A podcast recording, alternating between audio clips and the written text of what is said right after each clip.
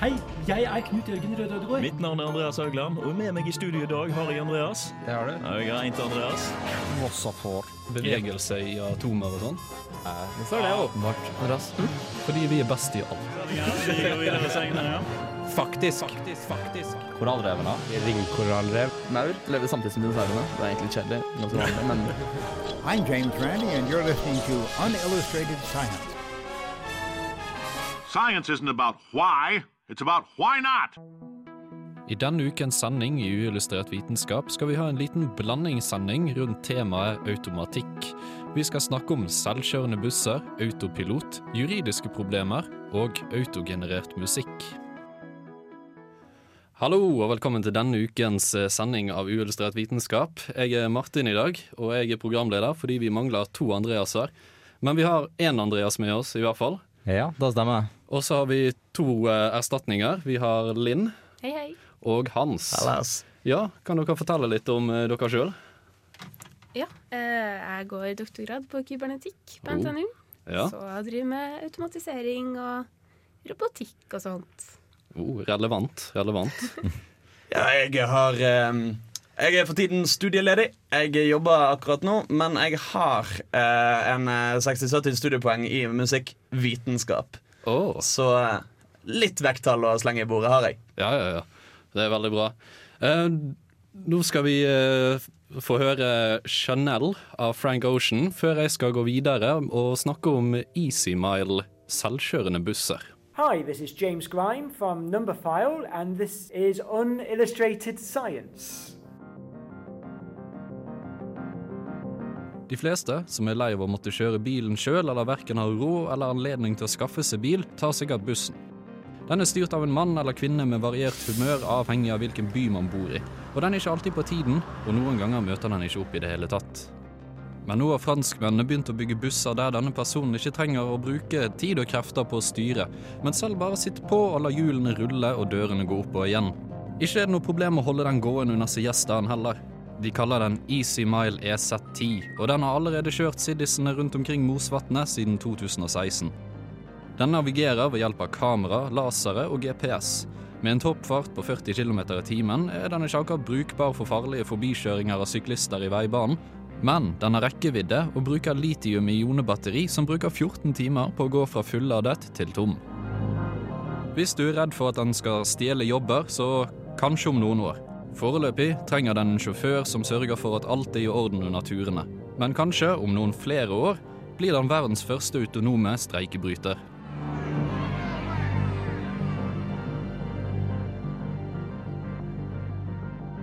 Ja, da er vi eh, første autonome streikebryter snakket vi om der. Easy Mile eh, selvkjørende buss. Jeg synes Det er fint med litt sånn dummedagsstemning rundt dette. Ja, det, det blir jo fort. Automatikk er skumle greier og veldig fine greier. Det er et eh, blandet, blandede følelser rundt det. Ja, man, jeg, sitter, tenker jeg blir så engstelig med en gang jeg hører om disse tingene. Kanskje jeg har sett litt for mange sci-fi-filmer om Skynet og alt mulig, hvordan de tar over alt dette. Eh, der som du sitter i disse bilene, og det er bluescreener, og du får et virus, eh, et rødt lys som sier 'I'm sorry, hell, I can't let you do that'. Har mennesket som sitter i bussen, noen innvirkning eller noe en kan gjøre for å liksom ta rattet og styre dette på tross av maskinen hvis noen skulle skjære seg? Eh, nei, han har ikke ratt. Så det eneste han har Dette er ikke spesielt. Dette hjelper meg ikke. Nei, men han har en knapp. Han har en knapp som visstnok skal stoppe bussen. Det spørs jo litt eh, hvor mye kontroll den har sjøl, da. Så hvis den eh, velger å ikke høre på knappen, så selvfølgelig, da sliter han litt. Følgende scenario. Du kjører full fart nedover en vei, Ja. og så kommer det to trailere på hver side. Ja. Du kjører i 80 km i timen, og så trykker du på en knapp. Hvor- Hvordan skal det redde liv? Her, her tror jeg kanskje ikke ingeniørene er så smarte som de tror de er. Å jo da, for den har bare en toppfart på 40 km i timen, så det er helt fint. Ja, men Det gjør vondt, det òg, da. Ja, Så, så det er en kjedelig buss i tillegg. Så det, ja det kan nesten gå fra den, så Men ja, det er jo faktisk litt eh, diskusjoner rundt det her. For Tesla vil jo helst ha ratt i sine autonome, sine automatiske biler. Eh, mens de her Ligier, de som lager denne her, eh, og Google, de vil helst ha uten ratt. Og det er fordeler og ulemper med begge deler. Én ting er jo det at kan man virkelig stole på at eh, sjåføren gjør en god jobb når han tar over styringen sjøl? Det kan jo hende at sjåføren bare er litt paranoid, og så tar han tak i rattet, og så slår den ut på manuell kjøring, og så burde den kanskje ikke gjort det. Så det kan jo hende at eh, skal vi si, bilen hadde full kontroll. Mm. Men, men altså Nå har jo Google De har jo hatt ut sånne selv, selvkjørende biler, da, for en versjon av det. Mm. De har vel hatt det ut et par år nå. Ja. Uh, og der vet jeg det var kun Jeg tror det var én av syv som havna i ei ulykke. Og det var tydeligvis på grunn av, eh, på grunn av den andre Altså den andre sjåføren. da som kom Ja, liksom i jeg har hørt møte. om det. At det aldri var roboten sin skyld, men det faktisk var uh, andre folk som krasjet i den. Mm. Altså, jeg skulle til å si Når du sier kun én av syv er det, som i, det er jo nesten ingenting. Eller som i fy faen, det er én av syv. Jeg vet ikke helt, egentlig. Det, blir, altså, det er fortsatt kult at de har programmert inn alle disse situasjonene. At, altså, spesielt jeg, altså, jeg har jo kjørt bil i ja, fire år, da. Mm. Og jeg merker jo at du kommer alltid i nye situasjoner. Det er de situasjoner som er veldig vanskelig å på en måte scripte og legge inn på en, måte en løsning på, da. Syns jeg. Eh, men altså, hvor, hvor er egentlig disse bussene brukes nå? Nå brukes de litt sånn eh, De brukes ikke på bilvei, det er litt juridiske grunner til det. De brukes på en, eh, i en park i San Ramón i California. Og eh, Finland har begynt å bruke de, så smått det er litt eh, små bussreiser. Og eh, eh, de har også blitt brukt litt i Stavanger. Men de har ikke kommet på vei ennå, som sagt pga. juridiske grunner. Det er spørsmål rundt hvis en sånn krasjer, hvem har da skylden? Eh, den har jo ingen sjåfør, eller mm, man kan vel egentlig ikke skylde på sjåføren, for det var ikke han som styrte. Uh, skal man skylde på de som Skal man skylde på produsenten? Uh, eller skal man skylde på de som lagde problemet? Skal man skylde på den som krasjet i bussen? Det er veldig mye eh, Ja, det er vanskelige spørsmål. Skyldspørsmål, rett og slett. Det har blitt en greie på internett rundt dette med selvkjørende biler og moral. Eh, altså I et sånn tenkt scenario, da, hvor eh, en bil kommer til å kjøre over noen. Ja. Det er umulig å unngå. Skal han da eh, fortsette rett frem og ikke foreta seg noe og kjøre ned fem folk, eller skal han svinge unna og kun kjøre ned én fyr? Det, ja, det er den klassiske. Den der, den. Klassiske. Ja. Har de tatt høyde for dette? Spørs hva han er programmert til det. Uh, nei, jeg tror ikke de har tatt høyde for det. Men den skal jo eh, hva var det, kjøre 200 til 2000 timer eller noe sånt med testing, der han skal lære seg å kjøre sjøl. Så det kan jo hende han havner i noen sånne situasjoner Så vi under stoler på at maskinen utvikler en egen moral Ja. for disse, med moral. for disse små blodposene som den ikke trenger. ja. Hva med de? Altså disse menneskene som kun sitter her og Ja. mener noe. Ja, de kan, de kan bare Jeg Nei, syns dette er skummelt, jeg, altså. Men, men er ikke det vil ikke si at når disse bussene eller disse bilene faktisk kan utvikle sin egen moral, er ikke det da man har nådd den der singularity-en? Mm. Og liksom oh. AI-en er i stand til å ja, ta avgjørelser av å se på seg sjøl, i stedet Ja. for det andre Ja. Borgerlønn til alle, sier jeg. Men før vi får borgerlønn, så skal vi snakke videre om eh, robotikk og automatisering. Men før det så skal vi få eh, Explorers and Destroyers med Lumikite. Science isn't about why, it's about why not. Why is so much of our science dangerous? Why not marry safe science if you love it so much? Ja, hallo, vi er tilbake. Og eh, Linn, du skal snakke litt om eh, robotikk og automatisering for oss i dag. Ja. ja, for jeg studerer jo kybernetikk med fordypning i robotikk. Så Ja. roboter er jo en helt annen type um, automatisering enn på en måte selvstyrte biler og den greia der. Ja. Uh, og roboter er jo egentlig veldig mye forskjellig. Mm. Egentlig alle typer maskiner og sånn, men vi tenker vel fort på den filmroboten når vi ja, ja, snakker om roboter. Dem. De som ser ut som mennesker og tar over verden og ja. Men uh, det har kommet litt diverse menneskelignende roboter også. Mm. Um, først nå er kanskje Asimo, som Ja. jeg vet ikke om dere har hørt om den. Jeg har sett den, faktisk, Ja, når jeg var i Japan i fjor. ja, Mm. for det er Honda som har utvikla den. Den eh, første versjonen kom faktisk i 1986. Det var en veldig enkel robot som kunne gå på to bein. Okay. Og det skal ikke gå inn på det, men det er et ekstremt komplisert problem da, å Ja. få noe til å gå på to. Fordi det å gå på to bein er egentlig en ustabil bevegelse. Ja. Men fordi den er syklisk, fordi det fortsetter å gå, så går det an å stabilisere den og få det til å fungere likevel. Ja, for det er vel sånn at man på en måte faller framover, og så tar man imot Ja. med ett steg, og så faller man fram igjen og tar imot med ett steg. Ja. Ikke litt sånn det fungerer? Yes. Så etter hvert så har den utvikla seg til å kunne kontrollere hele bevegelsen, da, men det er ekstremt eh, energikrevende. Mm. Og veldig komplisert. Men ja, så nå kan du også gå trapper og springe og Ja. alt mulig stilig. Det, jeg synes det, det er litt rart å tenke på at det ligger utro, så utrolig mye arbeid bak en så vanlig ting for oss. Ja, ikke sant? la Vi går jo bare. Det Ja. er ikke noe stress. ja. Og så har jo Boston Dynamics kommet med sin egen Atlas. Den er veldig stilig, for den kan gå i ulendt terreng. Det er enda mye vanskeligere. ja, det sliter jeg med til og med, så Ja, ja den, eh, den kom i 2015, eller den nyeste versjonen kom i 2015. Og den, det er liksom videoer ut der den kan gå i snø, djupsnø og sånn. Og, liksom, Stilig. og rette seg opp hvis den holder på å dette. det er ganske kult. Veldig stilig. Men nå nettopp så slapp de en video av den aller nyeste roboten sin, Handle. Som ikke går på to lenger, men som står på to hjul. Og Ja. den er ganske rå, altså, for den, eh, den eh, hopper. Den kan hoppe over én meter høyt, sånn uten å ta seg fra fart engang. Ja, ja. Uh, og så kan den løfte ting. Den kan plukke opp ting, flytte dem rundt. Plukke opp ting på opptil 45 kilo, tror jeg. ja. Uh, som også er ganske komplisert, for da må du jo stabilisere hele roboten mens den Skal du tenke på selv, Når du skal løfte opp en ting, så bøyer du, og du flytter vekta rundt. ja. Det er veldig komplisert for en robot å få til. Litt sånn fordel, ja. da. De slipper jo å tenke på det at du må løfte med beina og ikke ryggen. Det er sant. Det er sant. De er ikke så redd for at revsprekken skal vise seg. Yes. Og den kan også feie rundt på ujevnt underlag, som er kjempekomplisert. Fordi ikke sant, hvis, den, hvis det blir ujevnt underlag, så bekker den jo fort. Og den har jo problemer med å reise seg igjen. Men den har takla den utfordringa, da.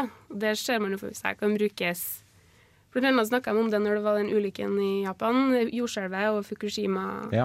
ja. 2011. Så var det jo veldig farlig å gå inn der og prøve å rydde opp.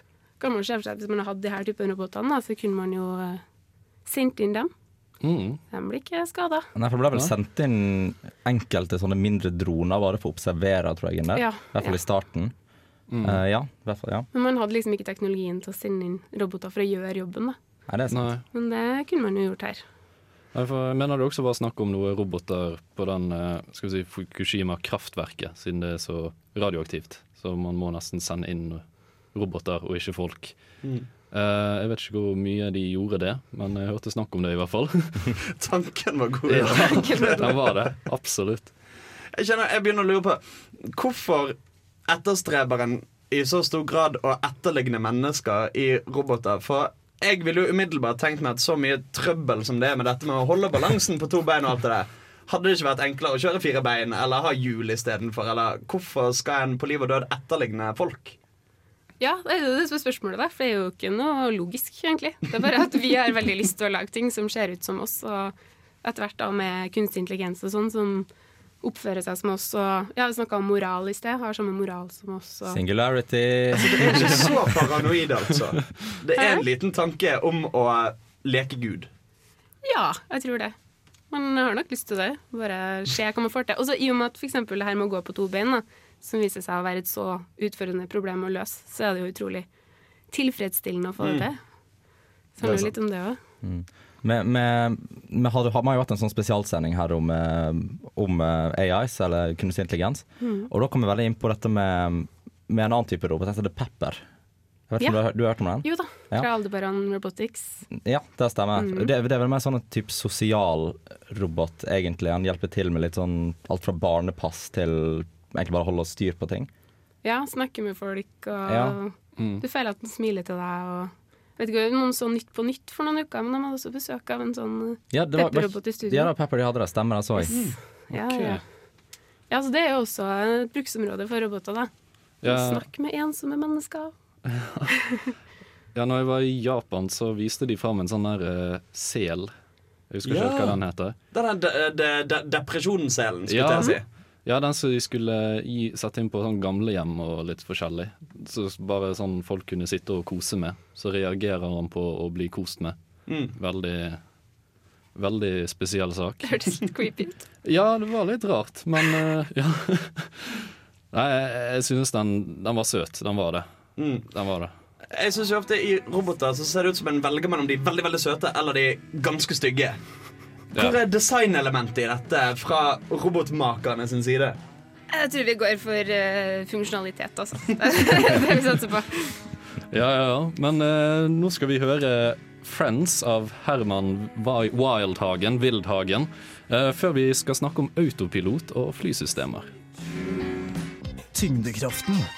Ja, han har jeg hørt om. Galileo Galilei. Det er jo for godt til å være sant. Lars Monsen. Dette setter jeg pris på, ass. Tycho Brahe. Mm. Ah, krass fysikk.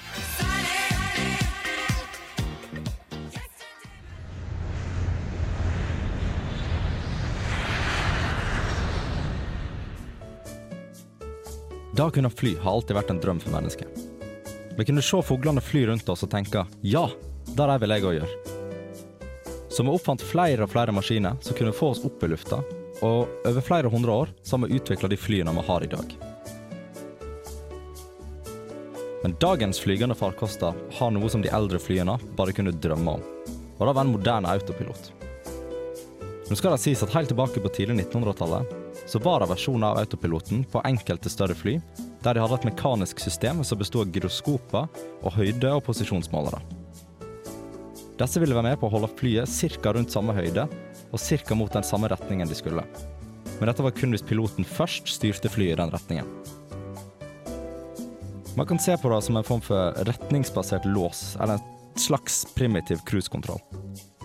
Men her måtte piloten selvsagt gripe inn hvis gyroene gikk ut av balanse. Dagens autopiloter gjør så mye mer nå enn det de gjorde før. Nå til dags kan du nesten si at en autopilot er en slags erstatter for piloten. Noe det heldigvis ikke er nok, selv om autopiloten er den som gjør mesteparten av arbeidet. Hvis man tar f.eks. det nyeste Boeing 737-flyet som et eksempel, så ser man at autopiloten er i stand til å styre alt fra høyde og retning til hastighet og motorkraft. Til og med landingshjulene kan styres nå i høy grad av autopiloten. Den viktigste måten et sånt system tar til seg informasjon, det er ved bruk av forskjellige gyroskoper. Hvert gyroskop er kobla opp mot en av flyets funksjoner, som f.eks. hvor stabilt flyet er i lufta. Hver gang en av disse indikatorene går utenfor en viss stabilitet, så sendes det et signal til autopiloten, som da automatisk retter det opp igjen. Vi setter veldig mye av tilliten vår til pilotene i dag når vi er ute og flyr. Men er det egentlig autopiloten vi burde stole mest på? Ja, er det det? Ja, jeg, jeg, jeg, jeg føler at jeg har en tendens til å liksom avslutte alle sakene mine med et sånn filosofisk spørsmål. Ja. Eh, Men det, det, er, det er filosofisk, en kan jo ikke svare skikkelig på da. Det er litt som radioproblem, for istedenfor å komme med kommentarer, sitter det sånn Ja, det gjør jobben min litt enklere, da. Å introdusere videre Ja, er det det? Ja, nei, altså det hvis jeg, Bare sånn i starten kan jeg får lov å uttrykke min misnøye med å fly. Så um, altså jeg, jeg var jo altså, i militæret sant, og flydde jo overalt og drev på med sånn. I mine øyne så er egentlig fly bare en jævla ubåt med vinger. Det, det, det, det er et trangt, lite rom, og du sitter der sannsynligvis ved siden av noen du ikke vil sitte ved siden av, og så sitter du bare der og hater livet. Det, Ja, det går litt fortere enn de fleste andre skal vi si, transportsystemer, da. Ja, det gjør det. Um, og det jeg syns er utrolig fascinerende, det er at det tok l kortere tid mellom det første kommersielle flyet kom ut, og månelandingen, enn det kom fra det første kommersielle flyet og de flyene vi bruker Altså de moderne liksom, transportflyene. Mm. Så jeg vet ikke, betyr det at vi har gått fra liksom bunnen til toppen, og så sklidd litt ned igjen? Nei, det um, Altså det, når, I hvert fall når det kommer til dette med liksom selvkjørte, um, selvkjørte fly og liksom Mm. trenger med piloter og sånne ting, så det, det, er et vanskelig spørsmål. Altså, Autopilot har vært en greie på fly lenge. Mm. Hva er det som på en måte har endret seg nå i det siste på den fronten? skulle jeg si? Hva er det som er nytt? Nei, altså det er egentlig hvilken funksjonalitet um, Altså Det er sånn som jeg nevnte i saken min, at det består veldig mye om gyroskoper. Uh, og på de tidlige um, Altså de tidligere autopilotene uh, så var det um, Gyroskopene måtte en slags form for indikator uh, på hvordan Ja, altså er flyet stabilt i lufta, er, peker nesa rett vei. Og så var det da opp til piloten å på en måte peile seg inn igjen da Mm. i forhold til de systemene. Mens i dag så er gyroskopene bare De sender et signal direkte til autopiloten, som nå er veldig digitalisert. Det var han ikke før, det var for det meste mekanisk. Uh, og da liksom, retter han opp flyet bare automatisk. Så Så regner vel med at det er litt uh, forskjell på hvordan vær du kan bruke autopiloten i ja, nå, enn det var før. Altså nå Ja. sikkert autopiloten i, med Ja, mye nå- større forstyrrelser enn eh, mm, Ja, det er sant. Uh, og jeg var inne og så på litt sånne artikler på dette her, og Boeing 777, som er en av de nyeste flyene, de har faktisk bare kun syv minutter med manuell styring. Huh. De fleste går på autopilot, og Airbus-flyene de har egentlig kun halvparten av tida. Ja, ok. Så, så det er kun takeoff og landing, da, basically? Ja, mer eller mindre. Og det er jo Altså det, det betyr Det går litt inn på den singularity-teorien som jeg nevner for tredje gang nå. eh, at ting Altså, ja, det er mer uavhengig av oss. Det, Mm. det har ikke så mye å si egentlig hva, hva vi gjør lenger. Men um, Altså, det var, det var et eh, I 2015 så var det et fly som hadde um, Ja, som, som krasja. Det var pga. menneskelig feil. Uh, og, og på en artikkel som jeg leste om der de liksom diskuterte veldig på moralen rundt, eh, rundt selvkjørte fly, da var det at hvis du ikke har piloten der, uh, er det den på en måte en slags failsafe. Det litt, Mm. går litt inn på det som du snakker om bussen, den Ja. knappen. Uh, men, men tingen er, da går jeg også veldig inn på dette med forstyrrelser. Fordi at dere kanskje lurer på hvorfor man er nødt til å skru av telefonen hver gang man er på et fly. Uh, Andreas, jeg lurer på en ting. Mm. Uh, hvorfor må du alltid skru av telefonen uh, under takeoff og landing på fly? Godt spørsmål. Veldig godt spørsmål.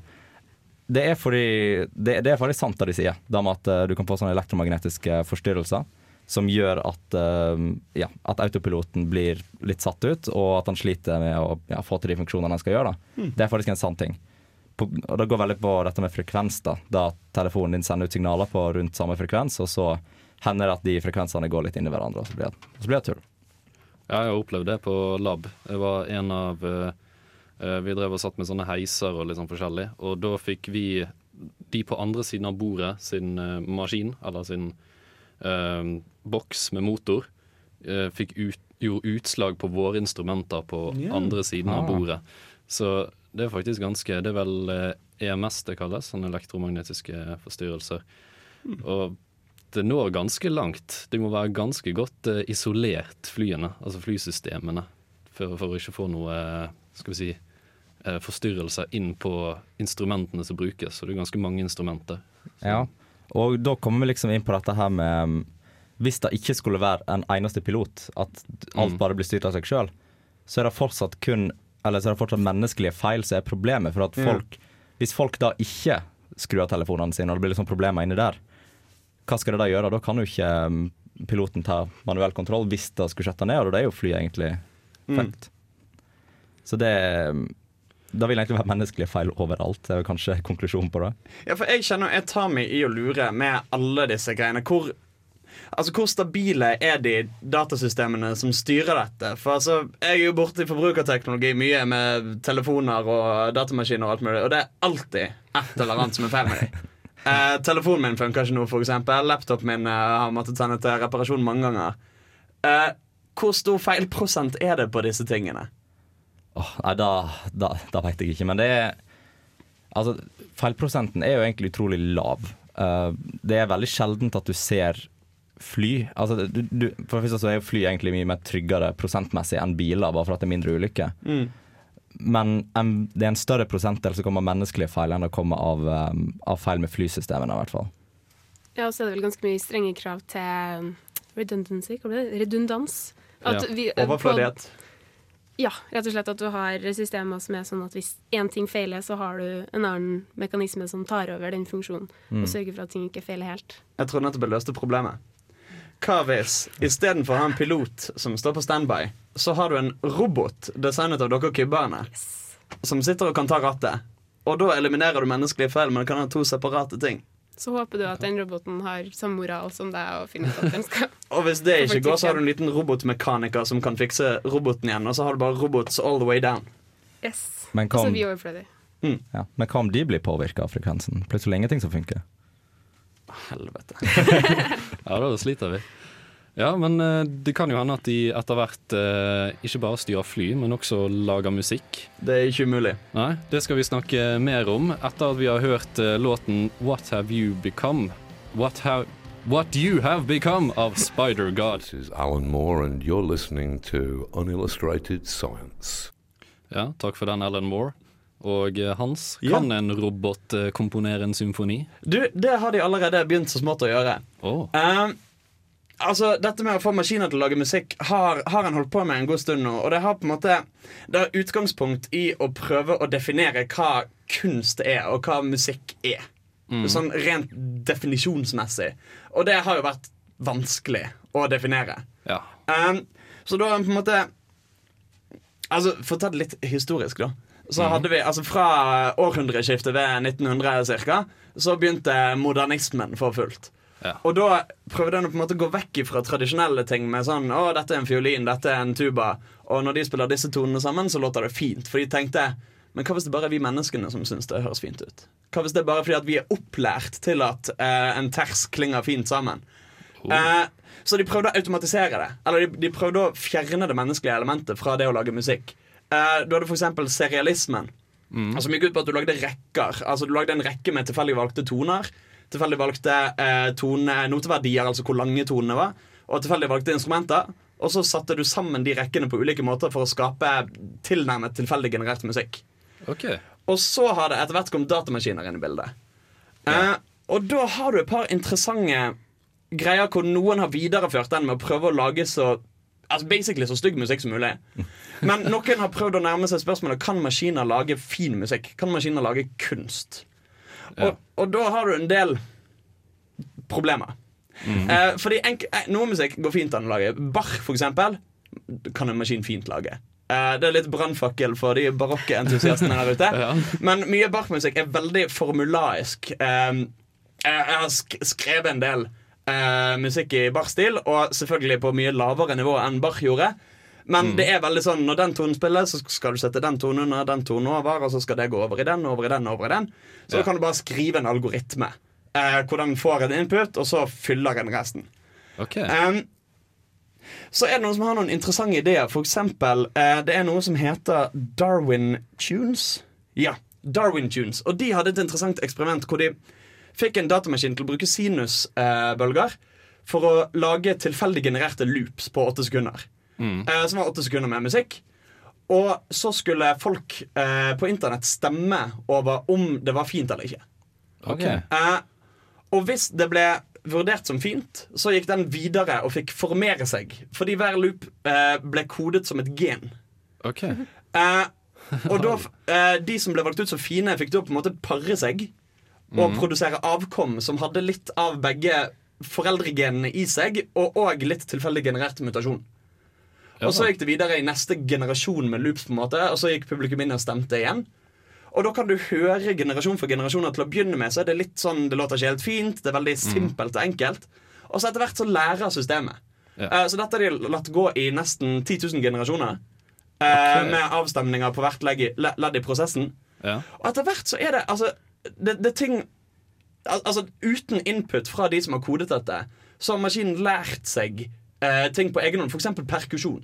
Mm. Eh, de skrev det jo bare med sinusbølger som ble autogenerert. Så til å begynne med så var det kun eh, eh, Kun noter. Kun toner. Ja. Og så etter hvert så har maskinen sjøl lært seg at gjennom å eh, modulere og endre på de, så kan den skape trommelyder, og det reagerer positivt ut.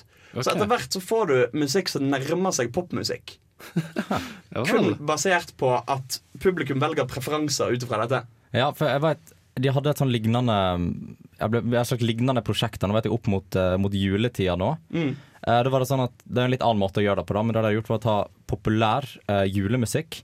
Og så hadde de lagt alt dette inn i en database, og så hadde de laga en algoritme som skulle prøve å finne måte, nesten gjennomsnitt av dette her. Da. De skulle finne da de skulle egentlig få en robot til å lage den neste julesangen. Mm.